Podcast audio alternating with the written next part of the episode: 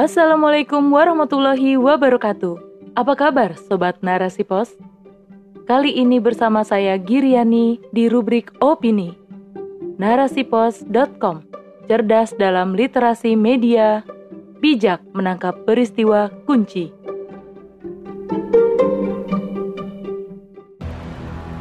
Praktik kotor pernikahan anak di Zimbabwe Bukti kapitalisme gagal menyejahterakan anak dan perempuan oleh Dia Dwi Arista.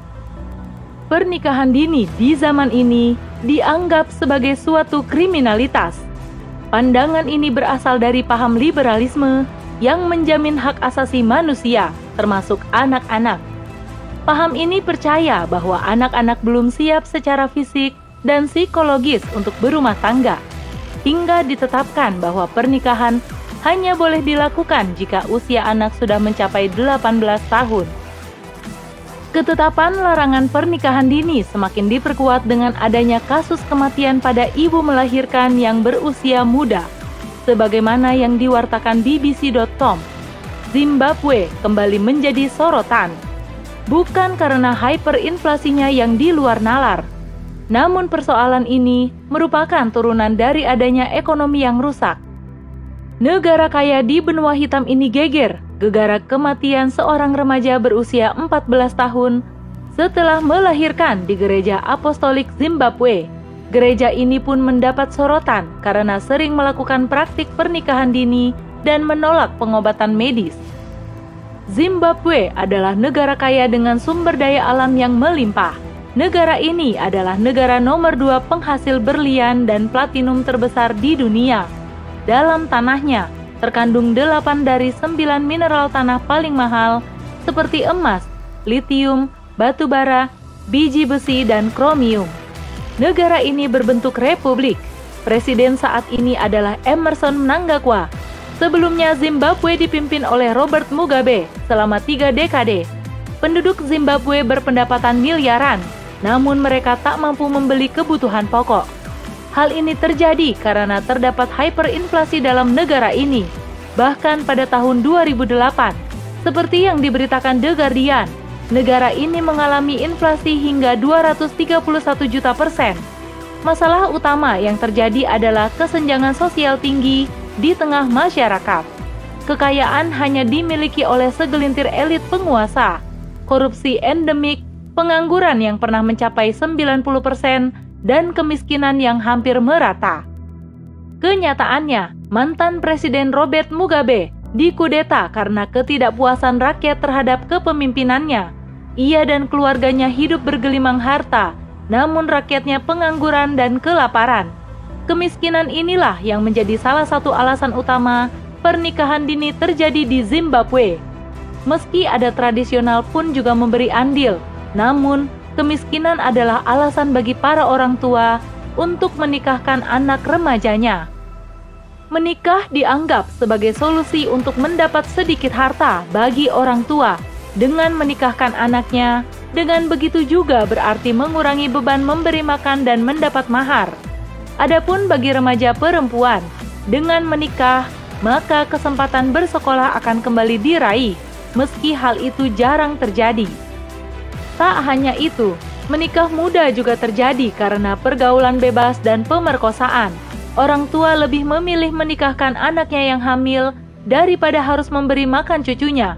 Hal ini juga diperparah dengan minimnya pengobatan dan kontrol kesehatan, menjadikan nyawa sebagai taruhan. Islam tidak membatasi usia dalam pernikahan, namun membina rumah tangga hendaknya ketika sudah mencapai balik datangnya balik menandakan seorang anak sudah mencapai derajat mukalaf.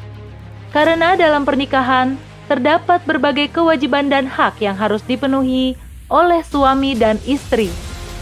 Para ulama mazhab dalam buku Fikih Lima Mazhab karangan Muhammad Jawad Muhnia berpendapat bahwa menstruasi adalah bukti kedewasaan seorang wanita.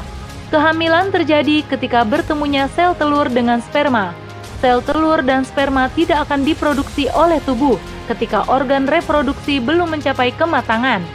Yang dimaksud pernikahan dini dalam Islam adalah pernikahan yang terjadi sebelum usia balik. Maka, anak perempuan yang sudah balik dikatakan sudah dewasa karena Islam menjadikan balik sebagai patokan untuk menentukan dewasa tidaknya seseorang. Sabda Nabi yang diriwayatkan oleh Imam Ahmad telah diangkat pena dari tiga hal, anak kecil sampai ia mencapai akil balik, orang yang tertidur sampai ia terjaga, dan orang yang sakit atau gila sampai dia sembuh. Islam menetapkan balik sebagai batasan mukalaf dan dibolehkan pada saat itu untuk menikah. Tentu saja, Islam tidak serta-merta membiarkan anak bergulat dalam mengejar kedewasaannya sendiri. Ketika Islam diterapkan dalam sebuah negara khilafah, menjadi kewajiban khilafah untuk mendidik generasinya menjadi manusia yang siap menerima tanggung jawab. Maka, khilafah akan menyiapkan pendidikan tak hanya berbasis pada keilmuan umum, namun juga karakter keislaman. Bahkan karakter Islam ini diprioritaskan dalam pendidikan. Dengan adanya penanaman akidah dan pembiasaan menjalankan syariat, baik di lingkungan rumah, masyarakat, dan sekolah, maka anak akan terbiasa taat kepada aturan-aturan Allah. Anak-anak pun diajari untuk bertanggung jawab, mengetahui perkara yang halal dan haram. Begitupun dalam pernikahan, ia akan menerapkan halal haram dalam rumah tangganya, menjadikan kewajiban dan hak suami istri terpenuhi karena dorongan keimanan kepada Allah Subhanahu wa taala. Anak yang sudah balik pun akan dimintai persetujuan ketika ia akan menikah, maka diamnya adalah persetujuan. Namun ketika ia menolak, maka orang tua tidak boleh memaksakan kehendak sesuai dengan sabda Rasulullah Shallallahu alaihi wasallam yang diriwayatkan oleh Imam Tirmizi, Ahmad, dan Muslim. Perempuan yang telah janda lebih berhak atas dirinya daripada walinya, dan perempuan yang masih perawan diminta izin dari dirinya, dan izinnya ialah diamnya. Penerapan hukum Islam dalam negara akan sangat mempengaruhi kesejahteraan perempuan, sebab perempuan semasa hidupnya telah dijamin nafkahnya oleh wali dan suaminya bahkan negara akan turun tangan ketika walinya sudah tidak ada. Maka, kehidupan perempuan tidak harus dijadikan tumbal untuk perkara ekonomi, baik terpaksa bekerja maupun menikah. Hal ini juga mengurangi angka kekerasan dalam rumah tangga karena kesulitan ekonomi. Pendidikan dan kesehatan adalah bentuk riayah khilafah terhadap rakyatnya. Khilafah akan memenuhi kebutuhan tersebut menjadi jaminan kesejahteraan warganya, baik laki-laki maupun perempuan. Pelayanan dan fasilitas akan diberikan maksimal hingga rakyat sembuh dari penyakitnya dan tak terjadi komplikasi karena minimnya fasilitas kesehatan. Dengan demikian, pernikahan anak usia balik tak akan menjadi masalah dalam Islam, sebagaimana yang terjadi pada sistem kapitalisme saat ini anak yang memasuki usia balik cenderung menjadi remaja labil yang membutuhkan waktu lama untuk menjadi dewasa. Maka tak heran, dalam sistem kapitalis, pernikahan dini menjadi ancaman generasi, semata-mata karena sistem yang diterapkan adalah sistem yang rusak. Wallahu alam.